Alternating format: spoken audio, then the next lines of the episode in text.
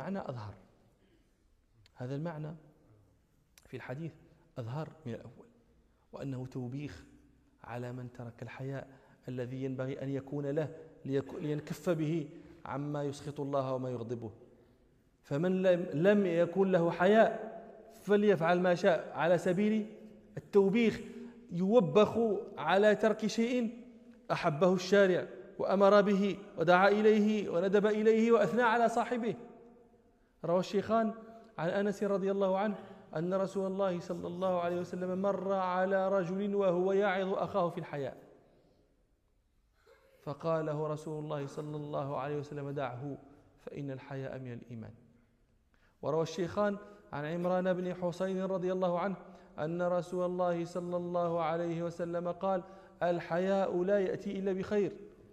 وفي رواية لمسلم الحياء خير كله. وروى الشيخان عن أبي هريرة رضي الله عنه أن رسول الله صلى الله عليه وسلم قال الإيمان بضع وسبعون أو بضع وستون شعبة فأفضلها قول لا إله إلا الله وأدناها إماطة الأذى عن الطريق والحياء شعبة من الإيمان.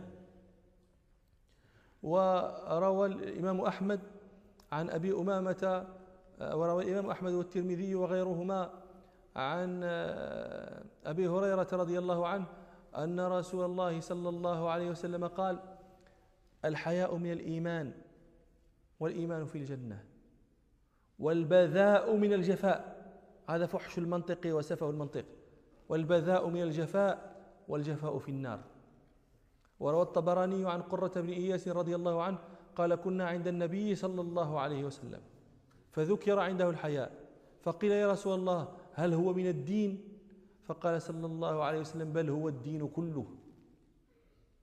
وروى مالك أن رسول الله صلى الله عليه وسلم قال لكل دين خلق وخلق الإسلام الحياء. وروى الترمذي وابن ماجه عن أنس رضي الله عنه أن رسول الله صلى الله عليه وسلم قال ما كان الفحش في شيء إلا شانه. وما كان الحياء في شيء إلا زانه. وروى الحاكم عن ابن عمر رضي الله عنهما أن رسول الله صلى الله عليه وسلم قال الحياء والإيمان قرناء جميعا فإن رفع أحدهما رفع الآخر. وقال أبو دلف العجلي إذا لم تصن عرضا وتخشى إذا لم تصن عرضا ولم تخش خالقا وتستحي مخلوقا فما شئت فاصنعي وقال أبو تمام إذا لم تخش عاقبة الليالي.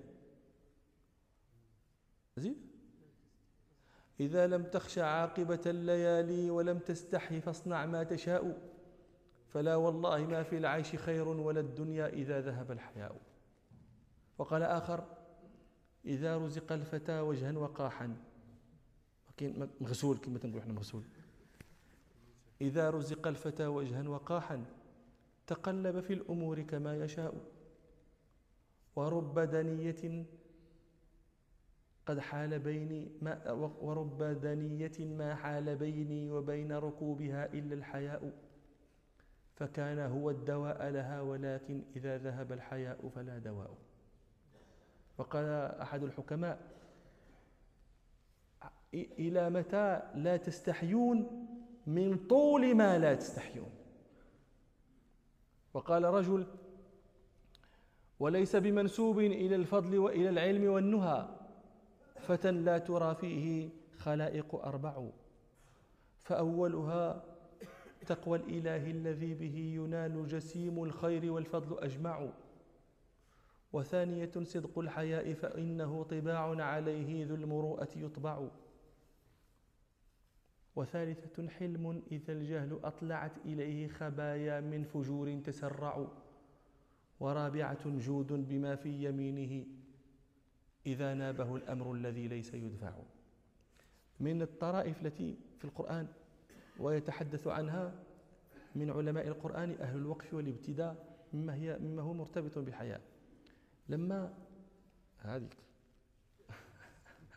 ما تخسر لنا التعاويذ لما سقى موسى صلى الله عليه وعلى نبينا وسلم.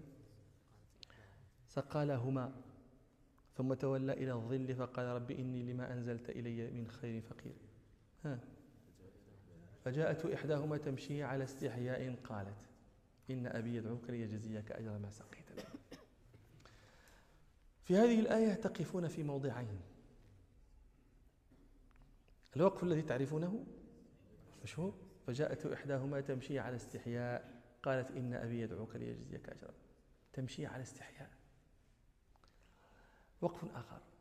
فجاءت إحداهما تمشي على استحياء قالت إن أبي يدعوك. فيكون الحياء في مشيتها ويكون الحياء في تكلمها. وهذا هذا حسن جميل وإلى مجلس آخر إن شاء الله. سبحانك اللهم